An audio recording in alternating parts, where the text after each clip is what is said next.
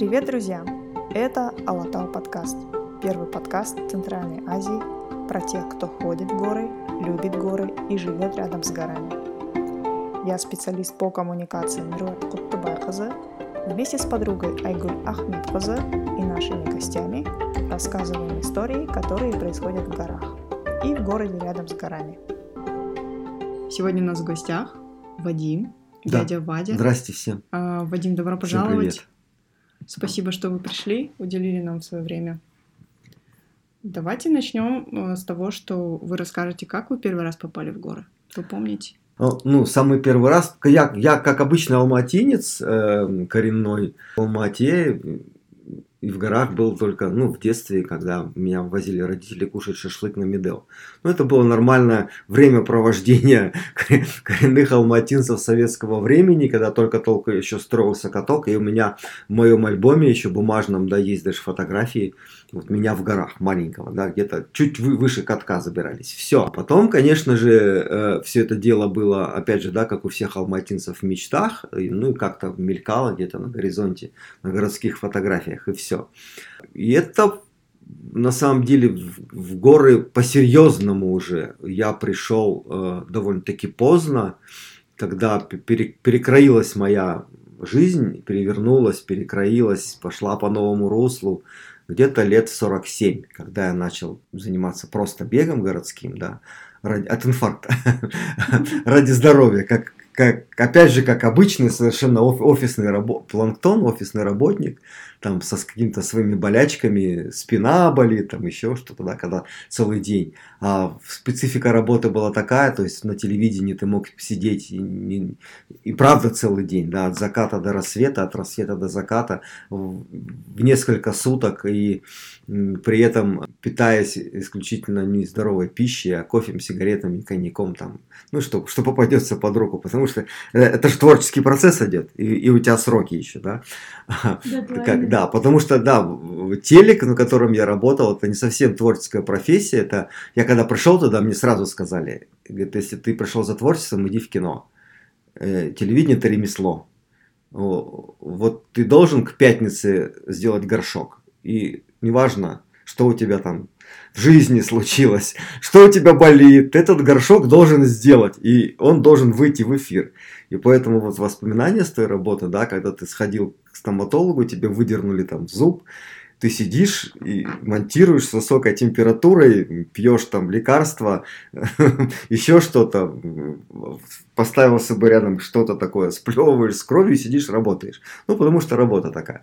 Вот. И такая работа меня привела в конце концов к тому, что я понял, что надо что-то менять в жизни, и я пошел бегать. А, Вот. Учитывая, что бегом я занимался очень вплотную где-то в школе в последний раз, да, в школа, начало института, вот, довольно-таки неплохо у меня это все дело получалось. Я стал бегать, и меня затянуло в беговое сообщество алматинское, потому что как раз тогда, Какой год был? 11 лет назад, Один. 11, 11 ну даже пораньше чуть-чуть, 11, 12, может быть 15, потому что ну, я начал потихонечку бегать. да, Мгм. тогда. То есть тогда был Ал- Алматы Раннинг клуб, АРЦ, только единственный беговой клуб в Мгм. Алмате. А, Привет Артему Якупову. э, Вот, э, он его создал, и у меня до сих пор даже осталась маечка клубная. Вот, начал, начал бегать, и, и потом появилась ну, на горизонте экстремальная атлетика. Вот. Я понял, что мне сказали, что, блин, а что бегать в городе? Можно же по горам бегать, это же Алматы, как бы сам Бог велел. А, Вот. И я потихонечку стал вот бегать экстремальной атлетикой. Такая интересная команда была. Ну, тогда нас было мало, я уже могу говорить нас, да. Вот. Я начал бегать по горам, и мне это понравилось. И я, вот как я вам недавно говорил, я стал создавать некое такое... Я человек ленивый.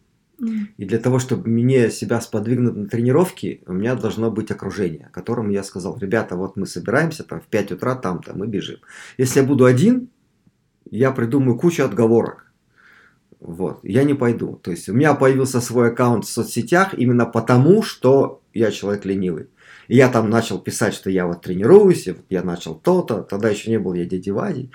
Вот, и давайте со мной. И так я начал обрастать ребятами, которые точно так же, как и я, начали потихонечку бегать. Так появилась какая-то первая команда, и мы начали бегать по горам. И мне это стало интересно очень. И так вот появились у меня горы, то есть горы походные и какие-то горы более серьезные, да, появились намного позже. Даже в многодневные походы, вот многодневные, в серьезные походы, я начал ходить года два назад всего. Так это были однодневки, и именно, именно по-быстрому, именно в беговом формате, вот как мне очень понравилось это движение, как приключенческий бег, как таковой. Вот. Есть такое направление, да, приключенческий бег. То есть беговой туризм.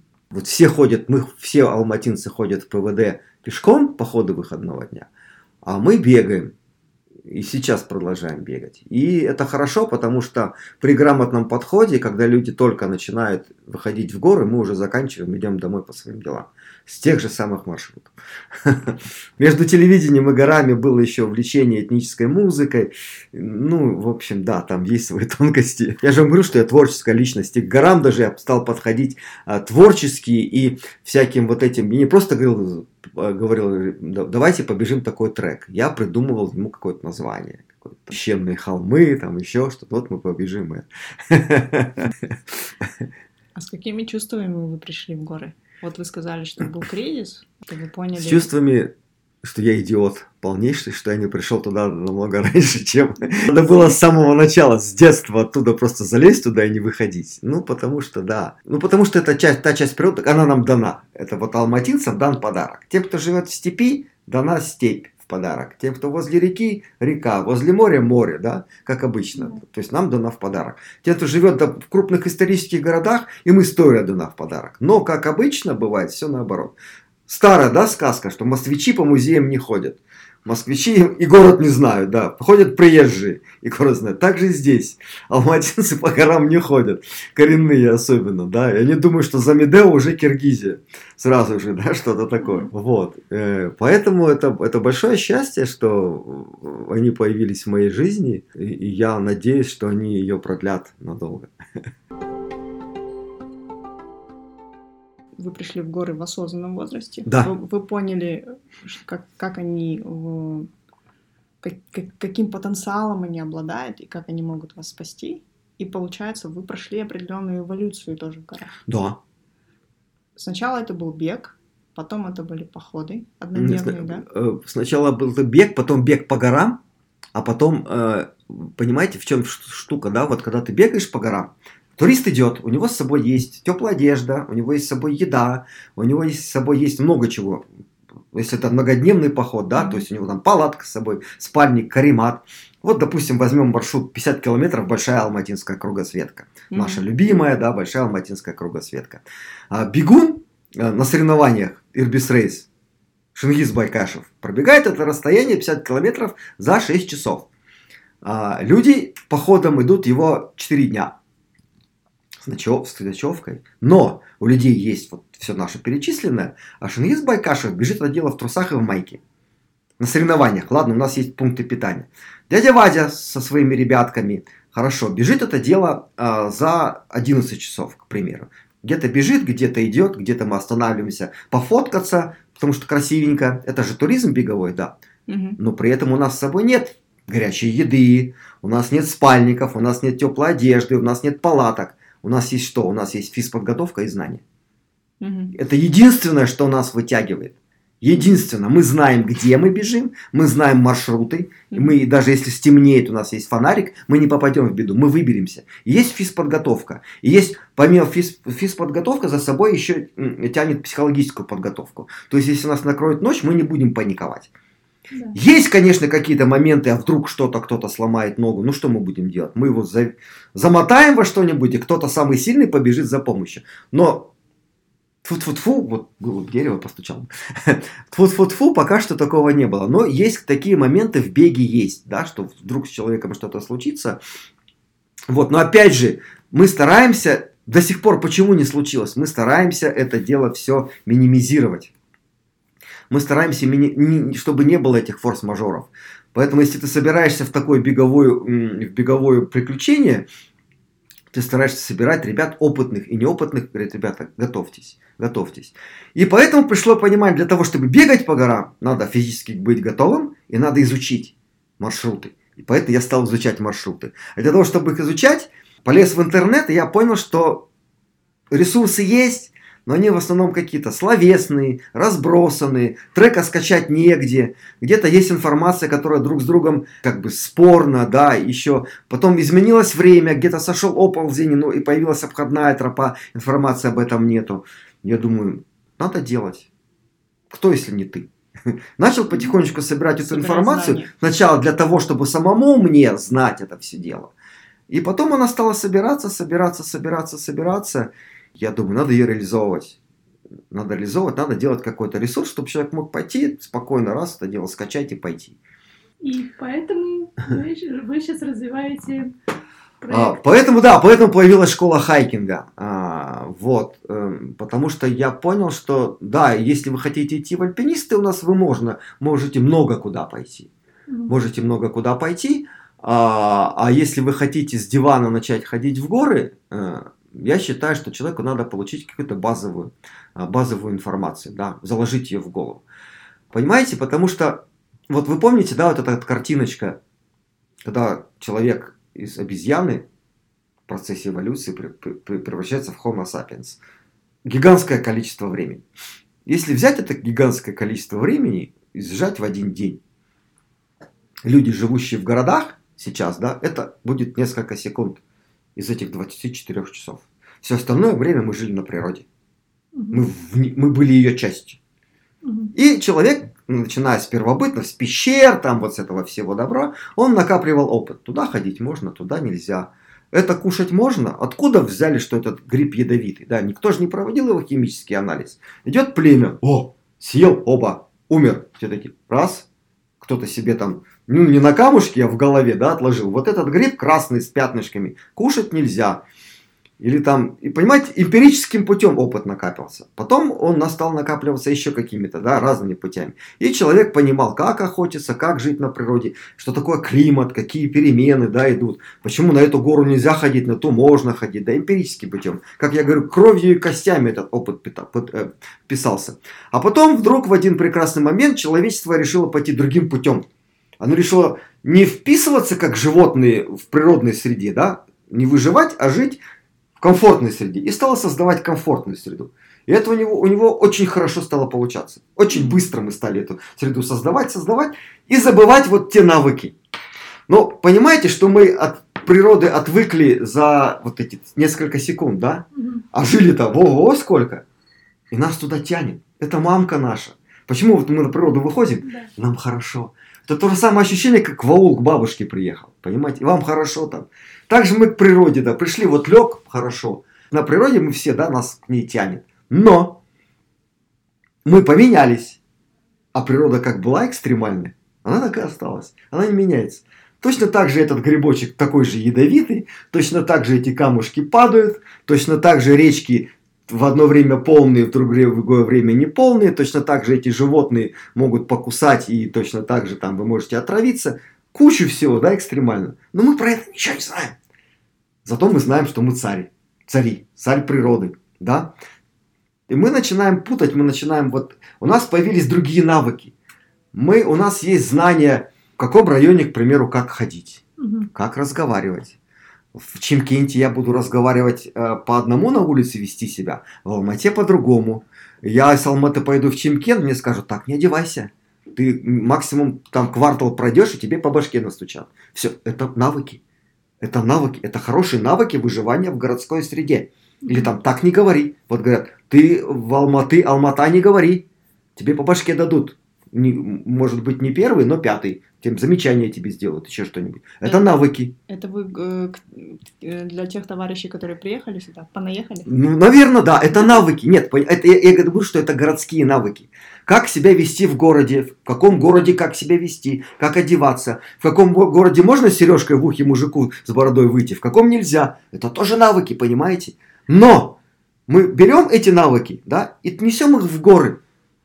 А в горах они...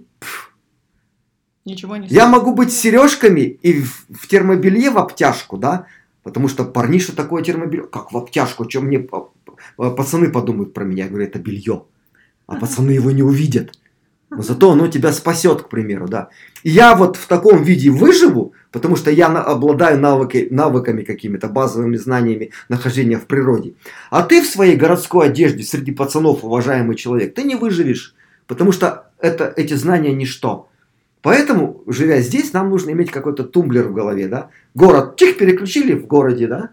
Там, допустим, я э, вечером с ресторана по этой улице в, в красивом платье не хожу. К примеру, да. В горы пошла, чих, переключила. Мне эти знания не нужны, я подключила другие знания. И вот эти знания, это я так творчески, образно, да, понимаете? А, вот эти знания, а, на самом деле, они не очень, как бы, такие тяжелые, громоздкие, но их надо человеку получать. Когда он их получает, он учится, на самом деле, всего-навсего одной вещи. Он учится подготавливаться к походу и его планировать. Это самый главный навык. А в, в планирование, то есть там та- тактика, стратегия, планирование входит как раз вот эти все, все вещи, которые дают человеку ну, возможность не, не, не выживать даже. Я говорю, ребята, мы не учимся выживанию. Мы учимся просто жить и получать наслаждение в горах. И все. При этом не попадая вот в эти самые критические ситуации. На самом деле, вот Димал начался вот с этого места, со смарт-поинта, потому что здесь у меня, по-моему, здесь, да, да, нет, у нас здесь с Олегом была первая встреча. Лекция, первая лекция о том, как вот ресурс, опять же, ресурс Google Планета, он был давным-давно до того, как дядя Вадя пришел в горы. Но почему-то огромное количество людей вообще не понимало, что это и как им пользоваться. Шикарный ресурс, которым можно в 3D варианте просто погулять по ущельям, понять, что где, зачем, почему, увидеть тропы, которые есть там, да, нарисовать свой маршрут и ходить по нему. Почему никто не ходил? Не знаю. А, Я стал это дело изучать, сказать, дядя Вадь, научи. Ну вот появилась какая-то лекция, появился человек, давайте встретимся. Пришел сюда, я Олег, Олег, я согласен вложить в это дело финансы. Я ухожу с работы, начинаю собирать Димал. Делать Димал, понимаете? Вот так. Димал — это Adventure Club, как вы назвали его. Ну, ну это э, клуб, потому что до этого у меня был э, клуб, свой клуб приключенческого бега Алтын и Растан. Он называется почему? Потому что есть такой бойцовский клуб Алтын и Растан. Они сказали, дядя Вадя, вот тебе тренажерка, вот тебе стадион, занимайтесь. Денег не надо. Я такой, хорошо, я оставлю Алтын и Растан. Вот. И поэтому клуб приключенческого бега. То есть люди, которые, которым, ну, которым нравилось не ходить в горы, а бегать в горы.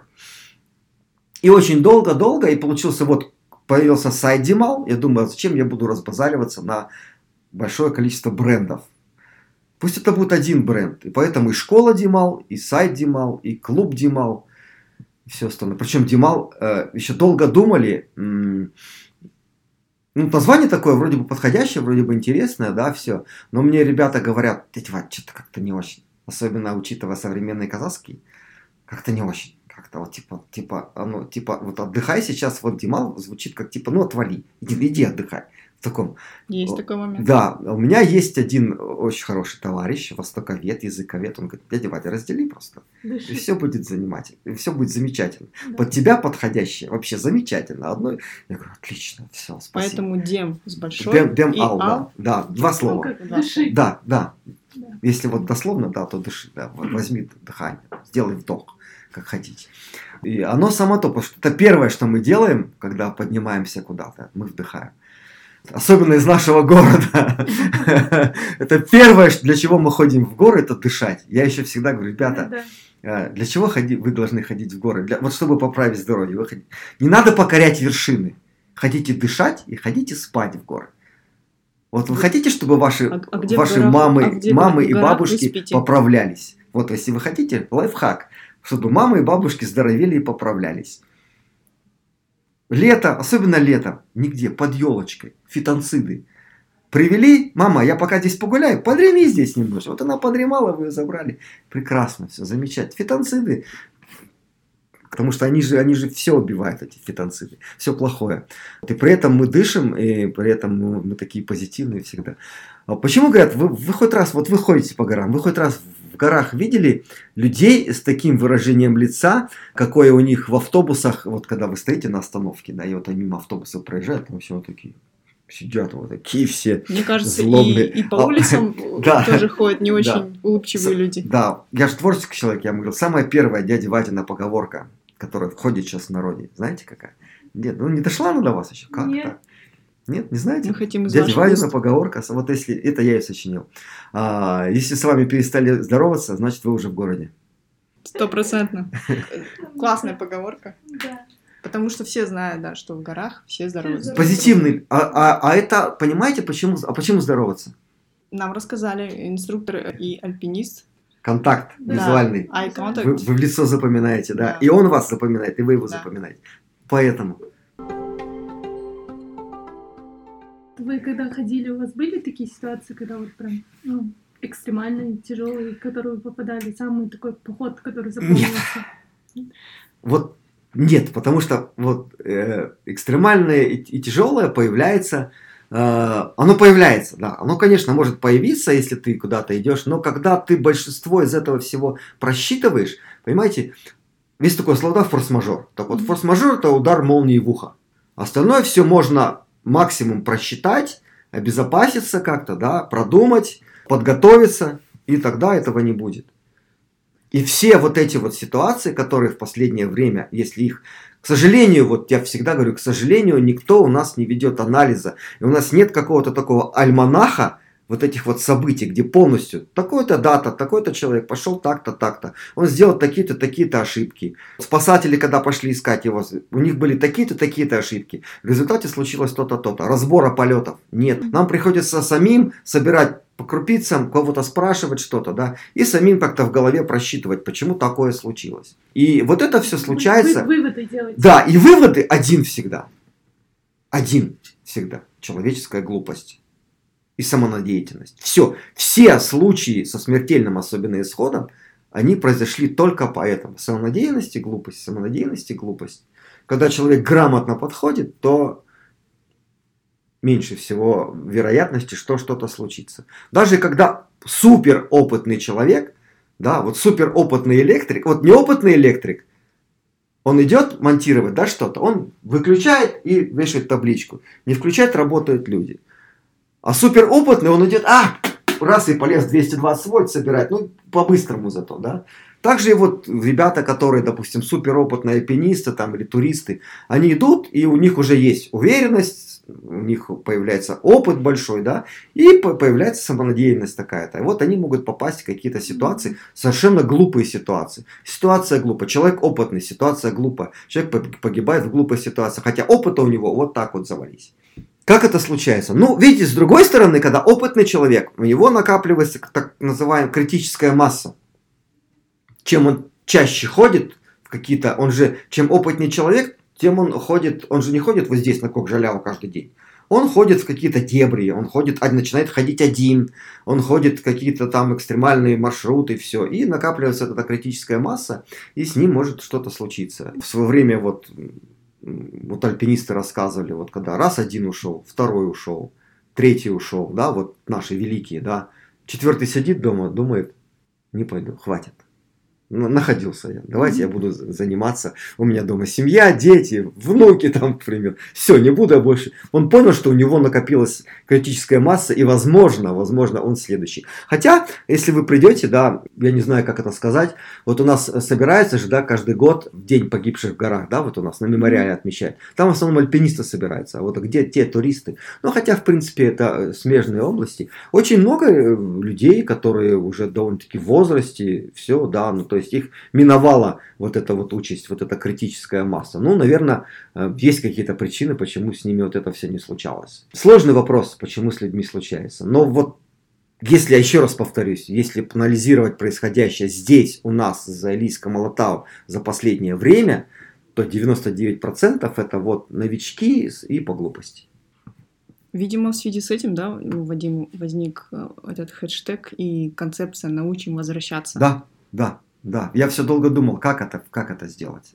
Что, какое, что самое главное? Научим возвращаться. Почему? А, почему это возникло? Потому что вот идешь, вот гуляем, вот мы бегаем, да, или гуляем там как-то, да, или даже с детьми. Меня позвали в э, детские походы, помните, была э, от BI Group, когда они первую тропу облагораживали, была такая идея, ну то есть возникла такая идея, два года я собирал э, семейные походы и точно так же какие-то навыки давал, то есть не, не отдельно с детьми, потому что, опять же, я не, не возьмусь за это, у меня нет, а, у меня нет навыков работы с детьми, с большой группой детей, я не могу за них отвечать, mm-hmm. с родителями. И вот идешь время после обеда, люди только поднимаются в гору. У меня дети говорят, а почему дяденька вот в горы идет наверх? Потому что спрашиваешь у него, какая цель твоего похода? Он говорит, я должен вот подняться вот на пик панорама, к примеру. Вот я должен подняться. Я говорю, а вернуться ты не должен домой. И у человека сразу меняются глаза. Он такой, ну, в принципе, да. Потому что, хорошо, ну ты придешь в 6 часов вечера закат, хорошо, ты в 6 часов вечера, вот ты идешь в шортиках, в тапочках, ладно, окей, у тебя с собой вода есть? Нету, еда есть? Нету. Хорошо, сейчас время 4 часа, у тебя 2 часа осталось до заката. Хорошо, ты подойдешь, дальше что? И люди не понимают, что самое главное в походе, да, это, это вернуться. То есть между стартом и возвращением как раз вот этот вот э, временной отрезок на выполнение ваших целей и задач. Но они должны быть правильно поставлены. Опять же, сейчас есть коучи, да, вот они учат, э, что вы должны выполнять достигнутые цели. Мы поставили цель, мы должны ее достигнуть. Может быть в бизнесе, в городе там, в, я не знаю, в охоте на мужей олигархов, да, это работает. В горах это не работает. Потому что если вы неправильно поставили цель, то есть вы поставили, я должен зайти. Хорошо. Это неправильно поставлено. Это цель, да, но это неправильно поставлена цель. Зайти и вернуться – цель. Зайти и вернуться Живым. самому пешком Другая цель. А зайти и вернуться самому пешком без травм – это третья цель. А зайти и вернуться и успеть ребенка из садика забрать – это четвертая цель. Но она требует чего? Физической подготовки. Понимаете? И она вот как раз постановка цели, она ведет за собой всю предыдущую базу, ну, когда человек начинает это все раскладывать, да.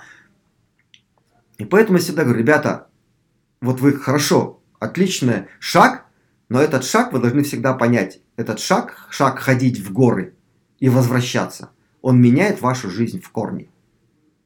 Вы должны перекраивать всю вашу жизнь, перекраивать ваши привычки, потому что вам придется встраивать в свою жизнь образовательные элементы и тренинг-элементы. По-другому никак у вас не получится. У вас не получится ходить в горы и возвращаться. Э, если вы будете наплевательски к, к этому относиться, у вас будет накапливаться вот эта самая критическая масса, и в конце концов вас просто накроет когда-нибудь, где-нибудь.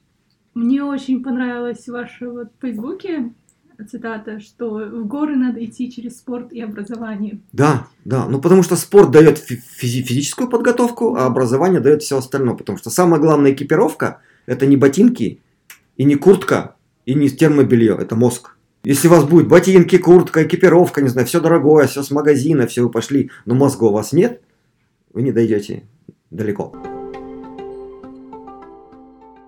Очень много ходят сторожил по горам. Бабушки и дедушки. Извините, а можно уточнить? Да. Бабушка, дедушка в горах это какой возраст? Ну, не знаю, под 80-90. Не я. Серьезный возраст.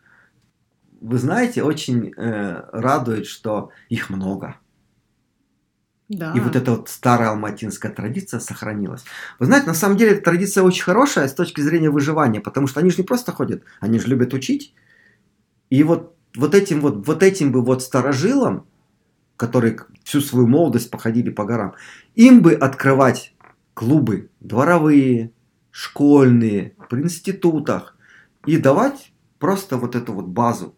Вот не какие-то, ну, люди хотят, захотят дальше идти. У нас есть спортивные клубы. Я не даю ту информацию, которую человек должен изучать, ну, как бы, когда он уже уходит с формата ПВД, да, по ходу выходного дня. Ну, пусть даже трехдневка, да, вот трехдневка это максимум. Дальше это уже есть спортивные клубы, дальше есть у нас школа альпинизма, да, ОАДы, у нас есть альпинистские клубы, ребята, идите туда, там у вас веревки, там у вас все остальное идет. Здесь база, у меня база. И у этих ребят, у людей тоже база. У них еще опыта поболее, чем моего. И они намного большему научат тех же самых детишек. У нас есть э, детский клуб, да, рейнджеры, да. А Он развился, он вышел из э, клуба по туризму, как же они назывались-то? Забыл. В общем, Валерий Король. М. Это та база спортивного туризма. У него дети вот эти вот, они ходят каждое лето, они ходят в поход около месяца. Они в районе Чарына ходят с рюкзаками, со всем. Вот это база школьная. Во-первых, база коммуникаций. Во-вторых, база именно вот в экстремальных ситуациях. И оттуда дети другие совершенно приезжают. Почему я вам говорю? Потому что это, это международная такая, такие правила. Если городок находится в, в максимальной близости к зоне э, вот такой экстремально природной, да, то там детей в школах учат, как, как в этой природной зоне находиться. То есть в горах, значит, дети учатся, как в горы ходить. В степи дети учатся в степь ходить. В море они учатся ходить в море, да, и так далее и тому подобное. Мы находимся в непосредственной близости в горах. Как вот говорят, говорят мно- многие говорят, что Алматы красивый город, вокруг города находятся, находятся горы. Неправильно. Мгм. Это Алматы находится у подножия гор. Горы влияют, горы влияют на погоду, горы влияют на, на вот эту вот э, температурную инверсию, горы влияют на ваше настроение и все остальное. Горы влияют на город, на наш, а не мы на них. Вот, хотя сейчас вот тоже, да, вот смог там, люди все выше и выше забираются. Мы тоже, но они нам показывают периодически, да, то оползень сойдет, то еще что-нибудь, что, ребята, не вы здесь главные. Я считаю, что в нашем городе эта тенденция об- обучать людей базовым, базовым знаниям. Потому что, да, сейчас дети стоят, эти маленькие мальчики, девочки, они пугаются червячка и говорят, что это змея. Но они могут сесть и перепрограммировать ваш телефон. А червячка они боятся. Ну, я говорю про городских, про наших детей, не вот про тех, которые там иногородние приехали. У них другие навыки.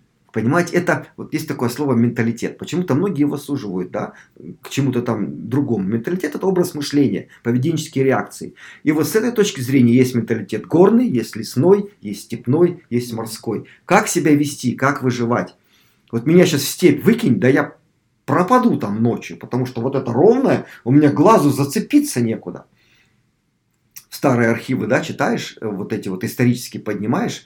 В свое время, помните, да, когда для иностранных путешественников открылась территория Казахстана, степи обширные, они удивлялись, как вот эти вот кыргызы, да, кочевники, Ориентироваться. ориентировались в местности. В горах, все, я подошел, посмотрел, да куда река течет, вниз. Все, у меня город внизу. Шикарный ориентир. В лесу ты подошел, река течет. А где тут вверх, где низ, да? Вот, опять же, да, вот алматинцы, да, вверх-вниз в городе. Да иди вверх, вверх два квартала, да, кто-то придет. Что? Какой вверх? Где здесь вверх, где вниз, да? Опять же, да, вот эти вот. Это вот уже алматинский менталитет, да, будем говорить. Или углы, А. пересечение улиц углами. Да, да, да, да, да, да, да. Вот. И, и это да, это на самом деле, если начинаешь задумываться, то так оно и есть. На самом деле. Где человек как бы жил, чему его учили, да, там он, там он, там он и выживает. Вот. Поэтому, ребята, у нас с вами, у горожан, единственный, да, если мы хотим ходить в горы, мы должны в себя в голове вот этот вот тумблерочек поселить небольшой, переключатель. И когда мы идем в горы, мы должны в мобильном телефоне вечером перед тем, как идти в горы, не курс доллара смотреть, смотреть прогноз погоды и нужные нам вещи, понимаете? И это нам там пригодится. А вот эти другие знания, они нам не пригодятся там в горах. Возможно, вот эта смена ландшафтов и смена условий, как вы говорите, выживаний, она и учит человека адаптивности? Перестраиваться, думать быстрее, реагировать быстрее. Ну, Да, вы знаете, вы знаете, не только адаптивности. И я скажу еще, я давно для себя открыл, все ваши городские, ваши уже говорю, наши городские проблемы, которые вот мы сидим, семейные проблемы, проблемы бизнеса, проблемы на работе, какие-то стратегические решения, неважно, не проблемы, я не люблю слово проблемы, я люблю слово задачи. И вот сидишь в душное помещение, пошел покурил, не придумал, не решается, да, есть такое у людей, да, продышаться, убежать Да, да. есть где продышаться, понимаете? Я знаю людей, вот у меня есть один знакомый, ну, это может быть не про горы, а про скандинавскую ходьбу, да? Он очень хороший, успешный там а, бухгалтер, у него э, большие такая ассоциация бухгалтеров. Я, я не представляю, что это за работа, но понимаю, что это очень серьезная, тяжелая э, работа. Он занимается скандинавской ходьбой, он каждый день ходит по 10 километров. Вот я решаю свои проблемы. То есть я не просто так. Я решаю свои задачи. Я иду 10 километров, взял палки, идет по парку. И я прихожу, у меня все в голове решено. Я только раз-раз только все, все сделал. Шикарно. Знаете, сколько ходишь, вот у меня сколько стихи какие-то рождаются, какие-то творческие дела, какие-то то, что ты не мог придумать, придумывается, да, какие-то новые коллаборации с ребятами из туризма, да, еще что-то. Там решаются. И причем вот ты идешь, потому что ты дышишь, это физиологически. Ты дышишь кислородом, а не тем, чем мы дышим здесь. У нас кровушка гоняется, все это идет, конечно же, через мозг в первую очередь. Понимаете? Через мозг это все прокачивается, и вдруг то, что ты не мог решить в городе, оно решается, вот оно само тебе, вот так оттуда сверху, аруахами так, на тарелочке. На, забери, молодец, что ты до нас дошел. Понимаете? Вот. Э, Поэтому нужно в горы подниматься, чтобы быть ближе к Арваху. Да. Потому что, ну, это такое образное решение, но а зачем к ним обращаются? За мудростью, правильно? Вот. И она приходит, приходит, потому что нас мозг пища у мозга появляется, кислорода больше. Понимаете, тут, тут мы сидим, питаемся э, плюшками, а там мы питаемся здоровой пищей. Ну, я имею в виду с точки зрения кислорода, ради мозга, да. Все, кто в горы ходят, ну, вот мы сами в горах познакомились, да, и вот сколько дружим уже. И вообще все мои друзья горные. И в горах совершенно другие люди просто. Да. Открытые, отзывчивые, улыбчивые, позитивные. Поэтому действительно там воздух другой, и он влияет. Да, и почему, понимаете, почему? Потому что с этими людьми ты идешь, ты там себя чувствуешь с ними комфортно, э, и ты, возвращаясь в город, ты инстинктивно продолжаешь с этими людьми общаться, и ты с, с этими людьми начинаешь дружить, а, с этими людьми начинаешь там заводить какие-то общие дела, а, а некоторые умудряются еще и семьи заводить, детей заводить, понимаете? Есть очень много таких, просто вот для меня таких, как это сказать, я очень люблю вот эту штуку, как причинно-следственные связи, да? И вот есть несколько примеров, когда приезжает в Алмату человек там с одной стороны, вообще издалека, человек с другой стороны, они здесь вдруг в горах вот знакомятся, да, в горах, причем в, ну, в команде дяди Вади, да, пусть в потоке, да, как-то вот, вот около, в окружении, да, то есть в походе вместе, будем говорить. У них появляется семья, появляются дети. Блин, и ты думаешь, вот это причинно-следственная связь. Убери с этой причинно-следственной связи дядю Вади. Возможно, этого бы и не было, думаешь. Ух ты, как это круто, да? Интересная штука получается. Вот. Не чувствуешь, э, э, вот я говорю, что мне нравится вот это чувство потока. Когда ты в нем находишься, и, он, и он поток на тебя, вот этот поток позитивных вот этих людей, да, он на тебя их выносит. Вот, вот вас на меня вынес поток, или меня на вас вынес поток. Возможно, дальше этого что-то еще. Я всегда говорю, что нужно... Есть такой фильм, да, всегда говорить «да», да, как это он так назывался. И на самом деле, когда поток выносит людей, да, и вот выносит меня в горы тоже он вынес, да, ну, не просто так же это все. Это все не просто так. Все к чему-то, да, к чему-то да идет. Я всегда говорю, что э, это хорошо, если вот то, что я делаю и э, с чего я начинал, а начинал я, это и не, не сам придумал, как people мотиватор, да, есть такая профессия. То есть я начал, люди смотрят и говорят, а почему бы нет? Ребята, вот я начал в 47, да, активно ходить. А некоторые такой, мне уже там, да как ты в сколько ты? Мне там 45. Что ж ты говоришь-то? Поверьте, да. люди даже младше говорят. Да, 30 да, да, сейчас. Да, Вы заметили, вот. что в социальных сетях очень много всяких мемов, шуток, что ага. если тебе 30, то ты празднуешь день рождения уже вот таким-то образом.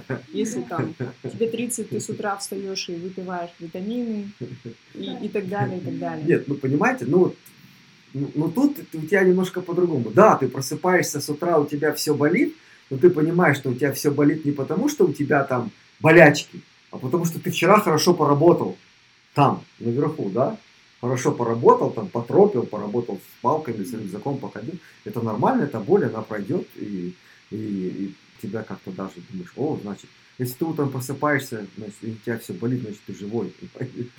Значит, есть чему болеть, да, это хорошо. Ну да, и вот люди мотивируются, и, и это классно. Я говорю, что если вот в процессе в этом моей деятельности вот по горам ходить, просто ходить, да, что-то делать, потому что, опять же, телевизионщика из меня уже не вытравишь, я все равно буду что-то снимать. Есть мальчики, девочки, которым там уже, ну, вот ровесники или старше тоже посмотрели, такие, о, и мы тоже, и смотрю, они в марафоне бегают. У меня вот жена, она инструктор по скандинавской ходьбе э, в, в ЦАГе, Центр активного долголетия. У него есть бабули под 80 лет, там такие бабули активные, о-хо-хо, они там собираются, такие, я говорю, их нужно, говорю, с моими с горлами свести, чтобы посмотрели это как. Опять же, время перемен, и ты понимаешь, что в этих переменах вот одна маленькая крупиночка, да, вот, вот это, это ты. И это круто. Это круто чувствовать себя частью вот этих вот перемен, частью вот этих вот бегающей вот этой вот нации, да, которыми, ну, не только бегает, это не бегаем единым, конечно, но просто я в этой тусовке, я смотрю, как эта тусовка, в экстремальной атлетике первый забег начинался там 500 человек, теперь 5000. Толпа гигантская народу. И это круто. Вот. Но все равно люди пишут, идите бегать в степь. Бегать в степь. Самотный марафон. Вот. Но на самом деле это все хорошо. Это классно. Это классно, вот эти перемены, и это, это очень замечательно. Вот. То есть в горах вы, в принципе, реализовали все ваши аспекты. И Нет. творческие, и нетворческие, Нет, и У меня физические. появилось еще больше. Даже еще, больше. больше. да, еще больше хочется того, того, того, того. Потому что вот появился Димал. Вот, кстати, вот у меня сейчас был, я называю его кризис уже не среднего возраста, да. Потому что Димал запустили, Димал сделали. Я такой, а дальше что? А по работе дальше что? То есть уже вроде бы вот за Илийский вот центральная часть, я уже вроде бы все прошел. Ну, то, куда можно просто обычного человека пускать, конечно, да. Дальше что? И уже выставляешь цели, а дальше что дальше? А дальше у нас же э, за Илийский Алатау там нашими небольшим, малым Ал- Алматинским, большим Алматинским, там, ладно, хорошо, Аксай, да, есть у нас, сейчас дорогу сделают, спрос появился. Вы видели сейчас, что в Аксае творится? Вы- Все, это года два-три, и он начнет развиваться. Мы будем с вами ходить в Верховье Аксая. А там, эй, неизведанного. А дальше, а дальше еще что будет? Понимаете, Восток и Запад. Восток и Запад, э, он раньше был хоженым э, времена Советского Союза. Потом все, сейчас его перестали ходить. И эта территория открытая, и это территория не национального парка. И как бы там можно очень интересные маршруты делать, да, туристические. Есть инфраструктуры, куда развиться туристической, да, дальше. Есть какие-то интересные э, концептуальные решения, как это все развить, что это сделать. Ух, здоровья бы хватило на это все, если честно. Вот поэтому, а, и уже задумываешься, вот я почему говорю, что все взаимосвязано. Почему я раньше не начал? Мне бы эти идеи намного раньше бы пришли, я бы уже, наверное, бы реализовал вот это, вот это, вот это. А сейчас, ну понимаешь, ну хорошо, ладно, ну сколько у меня есть, чтобы я смогу а, сам ходить, да, вот. Но с другой стороны, вот у меня опять вот мне вывело время, я вот в прошлом году, я в прошлом году отучился, да, чтобы получил вот эту корочку э, вот этого гида-проводника, да. А, Я думаю, что в ближайшее время настанет то время, когда э, в управленческий персонал по туризму придут туристы. Мгм. И тогда немножечко все начнет меняться. Потому что когда я еще работал на телевидении, я всем рассказываю эту историю, будем без имен, без фамилий. Я, ну, поехали по Мангостау, вот, и нас сопровождал чиновник от туризма. Он э, сказал такую вещь, которая до сих пор, вот, я до сих пор вижу, что так оно и есть. Он сказал такую вещь, ребята, вы вот, вот пешеходники, вы, вы нам не интересны. Государство от вас тут проблемы. Вас надо кормить, вас надо искать, денег вы нам не приносите, э, то есть вы, вы пропадаете, вы, вы мусорите. То ли дело отель построил 5 звезд, Риксус. Туда человек приезжает, он платит за отель, он платит за экскурсию, он привез с собой даму, она оставляет деньги в бутиках, которые есть в этом отеле, он кушает в этом отеле, все, он платит много денег государству и уезжает. И никуда не ломится, и куда-то вот туда по верхам, чтобы его потом искать. Все. Вот. И, и вот они видят э, развитие туризма в Казахстане вот в этих трех буквах VIP. И переключить их внимание на то, что э, наша страна это не создана для VIP-туризма, но она очень богата тем, к чему стремятся многие туристы иностранные. Они согласны туда вложить деньги. Вы были когда-нибудь в Аул Ресорте? За Каскеленом у нас есть да. центр Аул Resort. Видели, какой, какой там юрточный городок? Угу. То, что они поездили... Юрты, да, современные, с туалетом, с душем. Но они поездили по Казахстану, и все убранство, которое там, оно не современное, оно аутентичное. И заходишь туда, юрты пахнет. Вот какой туризм. Вот такие вот э, этнические центры должны стоять, иностранцы будут приезжать. Они, должны, они могут быть в горах. Вот представьте Толгарский наш перевал, Медео. И вот эти вот построили вот эти. Представьте, что это были бы юрты, а не вот эти вот квадратные домики. Но с такими же VIP-услугами, да. Ну хорошо, там не будет панорамного окна. Хотя при современных технологиях и панорамное окно можно встроить, понимаете? Но пусть это будет юрта.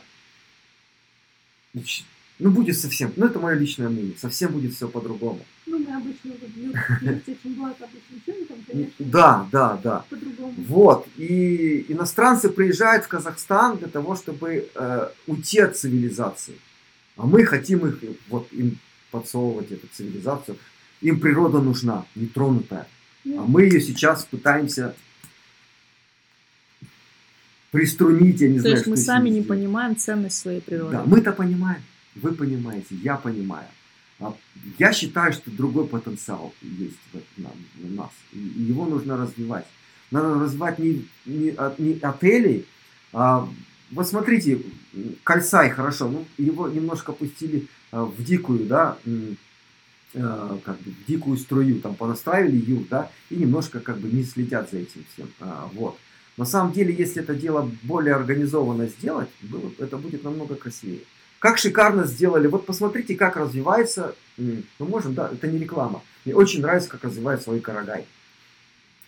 Потому что там все такое, вот оно все встраивается, оно все не, не, не возвышается над горами. Они как можно меньше стараются разрушить садов этих, да, что-то вот как-то вот эти вот, вот какие-то дорожки делают. Вот эта э, туристическая деревня, да, которая в виде хостела, деревянные эти избушки, да. То есть они не построили там вот этих вот трехэтажного отеля, не сделали, да, то есть это все вот, вот был, был пионерский лагерь, хорошо, эти домики на деревьях там, ну шикарно же, да, вот это все. И мне кажется, вот туризм с точки зрения большого, да, вот туризма, он должен у нас в Казахстане именно вот в эту стезю развиваться, именно вот в дикий. А а для чего, а что для этого нужно сделать, да? Вот а- опять вот посмотрите, за последнее время, как изменился поселок Саты. Это- Давно не была в поселке Вот съездите. поэтому не могу. Посмотрите, сказать. это же земля и небо, то, что было раньше. И, и он развивается в очень хорошую сторону. Мгм. Вот именно в очень хорошую сторону. Там появились шикарные гостевые дома, но не вот эти трехзвездочные, да. Ты заезжаешь, ну да, там хостел, да, ну там все чистенько, там все аккуратненько, там все замечательно. Еще снаружи все это дело потихонечку, видать, видать, хороший аким у них. Я точно не знаю. Но сам поселок преображается, внешне он становится чище. Вот.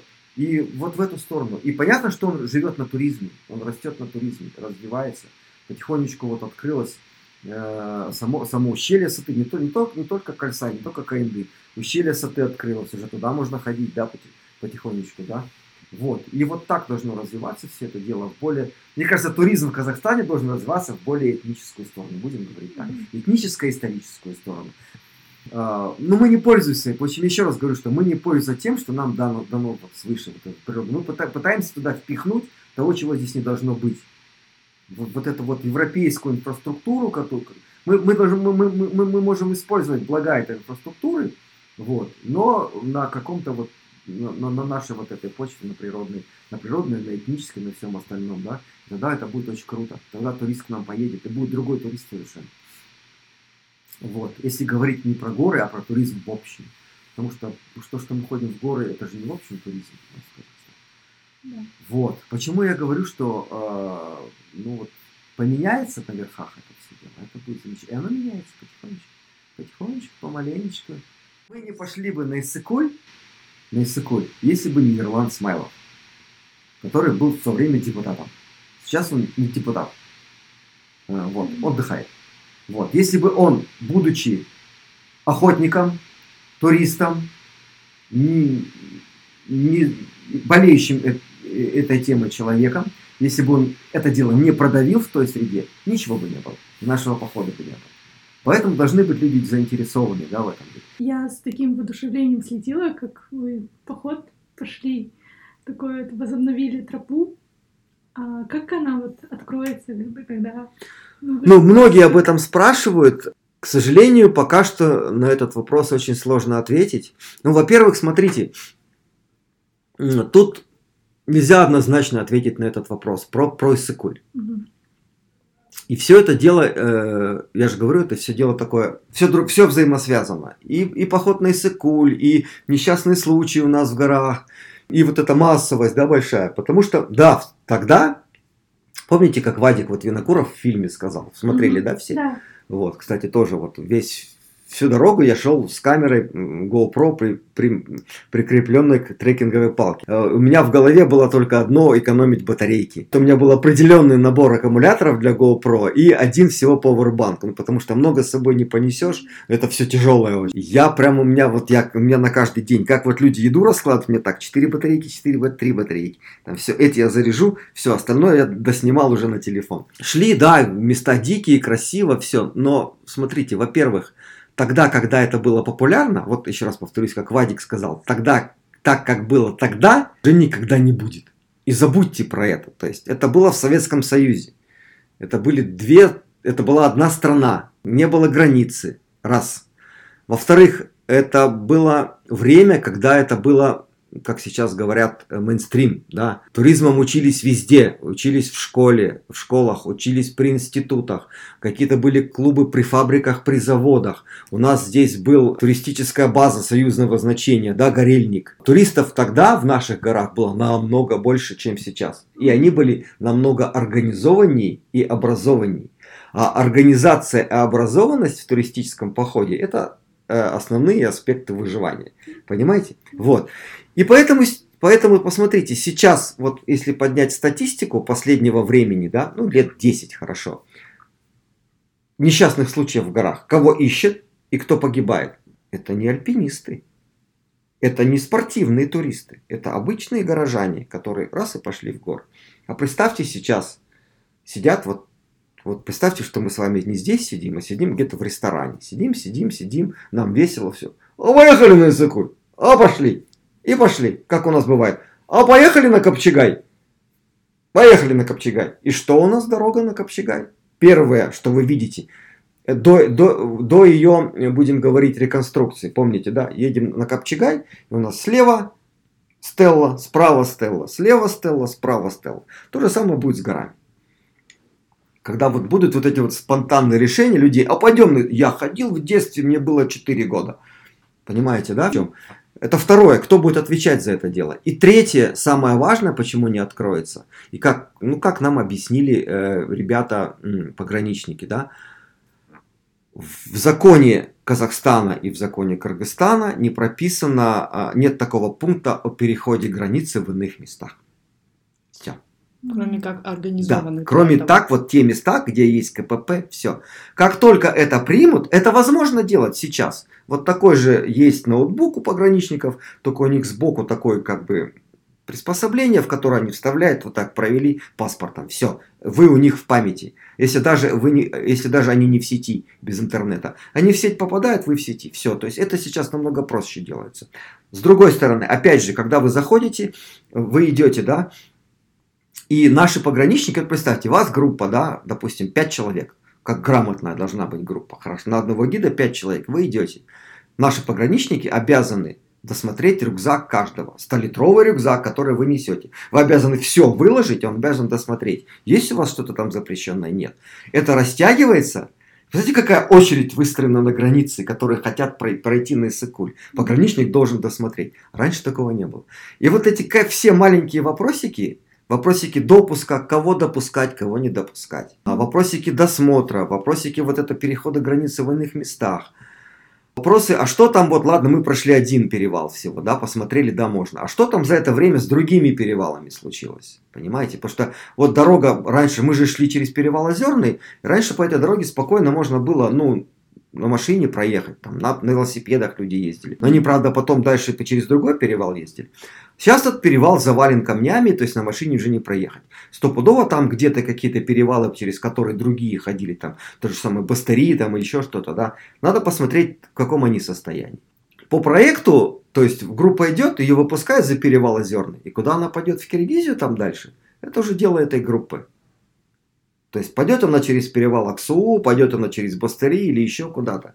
И не, не дай бог с ними что-то случится, учитывая, что у нас сейчас туристы не подготовлены. Нет вот этой базы подготовки, да, изучи, хотя бы, хотя бы какой-то основы базовой подготовки туриста, чтобы он хотя бы понимал, почему это и для чего это. Все, у них просто есть желание пойти и память, что они как ходили, да. Стоило уточнить, что вы рассказывали про туристический маршрут а, со стороны а, гор Какие вершины это? А, это получается, мы идем из от Большого Алматинского озера, угу. Озерное ущелье, э, перевал Озерный, э, выходим в Чонкимин, угу. через Чонкимин, ущелье Чонкимин, это Киргизия уже, через Чонкимин идем в ущелье Аксу, через перевал Аксу переходим, 4000 он категорийный перевал, ледники, переходим э, вниз, ну, если, я думаю, что если кто не смотрел фильм, можно посмотреть, дать ссылочку, mm-hmm. да, он, он лежит у меня в этом на YouTube. Вот. И попадаем вот это вот Григорьевское ущелье, и оттуда уже спокойно идем на Исаку. По сути, получается, это не просто маршрут туристический, это маршрут для достаточно подготовленных туристов. Нет. нет? К сожалению, нет. А, потому что раньше его ходили, ходили школьники, ходили все, но не ходили долго. А, будете смеяться, но все м- вот Потому что сразу люди, вот мы сходили, они говорят, о чем вы ходили, мы тоже ходили. И вот все, буквально 99% людей, которые мне рассказывали о том, как они ходили в советское время, ну, исключая тех, кто был ребенком, мы его водили пионер, ходили в советское время в Иссыкуль, в советское время туристы. С чем они ходили? Как вы думаете? Вот основное, о чем они говорили. У нас было много чего. С рюкзаком они ходили. А в рюкзаке было много чего? Еды, может? Нет. Вот почти что еды. Водки у них было много, понимаете? И диву даешься, диву даешься, как они с этим всем ходили. То есть люди на такую высоту да, поднимали. Да, они ходили, туризм был связан вот с горячительными напитками. К сожалению, да, это, это mm. но и дикого туризма было много. Ну, иллюзии были другие, понимаете? Ну, для нас, вот меня это сейчас просто в шок подвергает, как это можно было с таким большим количеством, вот это, это же все было в стеклянных бутылках, и все это нести с собой. Ты тут рассчитываешь каждый грамм, а у них были, во-первых, брезентовые рюкзаки, во-вторых, шерстяные свитера, в-третьих, брезентовые палатки тяжеленные вот эти вот. Вот мы сейчас все, а, вот так вот кричим от этого. Вот. Но ходили, и пионерские лагеря ходили, они ходили через другие перевалы более, ну ходили, потому что ну, всего-навсего, это всего-навсего 80 километров. Если это дело для здорового человека э, растянуть на многодневочку, ну то нормально. В принципе, это все ходится. Это мы сейчас стали другими. Мы сейчас стали более городскими. И поэтому для нас фраза 10 километров в день такие все, как это далеко потому что мы в булочную на такси ездим, понимаете? Ну вот, вот, вот мы реально урбаноиды, и это все как раз вот э, отсюда идет э, отсутствие безопасности в горах, к сожалению, вот сейчас. Все хотят на Иссыкуль, а, но я, я понимаю представителей туризма, ну, будем говорить о гашек, да, вот кто сидит у нас в туризме, я представляю их опасения, что вот мы откроем, и они все пойдут. Ребята, а что мы с ними будем делать там? Что мы будем с ними делать, если они вот здесь, вот возле Кокжайляо, девочки вызывают туристов, потому что они услышали, помните, да, статья такая была, с характерные звуки медведя. Вызывают спасателей из палатки на Кокжайляо. Приходят спасатели, там коровы ходят. И сидят две девчонки в палатке дрожат. Там медведь у нас. Что с ними будет, если они перейдут туда? Если каким-то образом получится им перейти туда, и, э, а там нужно знать, когда эти реки в брод переходить. Тоже есть такое, да, mm-hmm. понимание, что рано утром они пришли, река, хорошо, мы пошли, пошли, она полноводна, снесло, что с ними делать? То есть они, конечно же, боятся за, они боятся за свое место раз, во-вторых, они боятся за тех людей. Я тоже боюсь за тех людей. Я всегда говорю, что мне, ребята, мне не жалко этих идиотов-туристов, которые погибают, мне жалко их матерей, которые теряют своих детей, а, которые погибают по глупости. У нас, мы, говорят, один раз живем, ребята, один раз умираем, живем мы каждый день. И вот это вот надо понимать, когда человек идет в горы. Куда ты? Нормально! Один раз живем! Эй, вперед! Дорогие друзья, да, если вы все-таки приняли решение, ходить в горы это же э, не хобби, это, я не знаю, просто вот ходить в горы, гулять в горы, да, а, вот, раз в неделю, по выходным, вот. А, не стремитесь, э, не поддавайтесь вот этой общей алматинской тенденции, я сейчас ставлю кавычки пальцами, да, виртуально, покорять вершины. Не надо сразу лезть наверх. Начинайте все делать постепенно. Маленькие прогулочки, по ощущениям, потихонечку. Горы никуда не уйдут от вас. Но вы там пропасть можете с вашего первого похода, с вашего первого решения. Вот, пойти туда, просто погулять. Постепенно. И слушайте людей то, что вам говорят. И читайте как можно больше. В интернете про это написано просто очень много. Не обязательно Димал, но заходите на Димал, почитайте, там тоже очень много интересного. Очень много ресурсов, э, с которых я начинал, они до сих пор есть. И ребята очень много грамотно пишут. Вот, читайте, образовывайтесь, и самое главное, постепенность, постепенность, постепенность. И тогда вы достигнете своей вершины, вот, и вернетесь домой. Самое главное, помните, что вас ждут дома. Спасибо каждому из вас за прослушивание этого эпизода. Если вам понравился этот эпизод и наш подкаст, пожалуйста, уделите минуту вашего времени, чтобы подписаться. Оставляйте отзывы и оценки на Apple платформе – Делитесь ссылкой на эпизод с друзьями. Подписывайтесь на нас в Instagram, ведь это важно для нас и будущего нашего подкаста. Всем гигантский рахмет!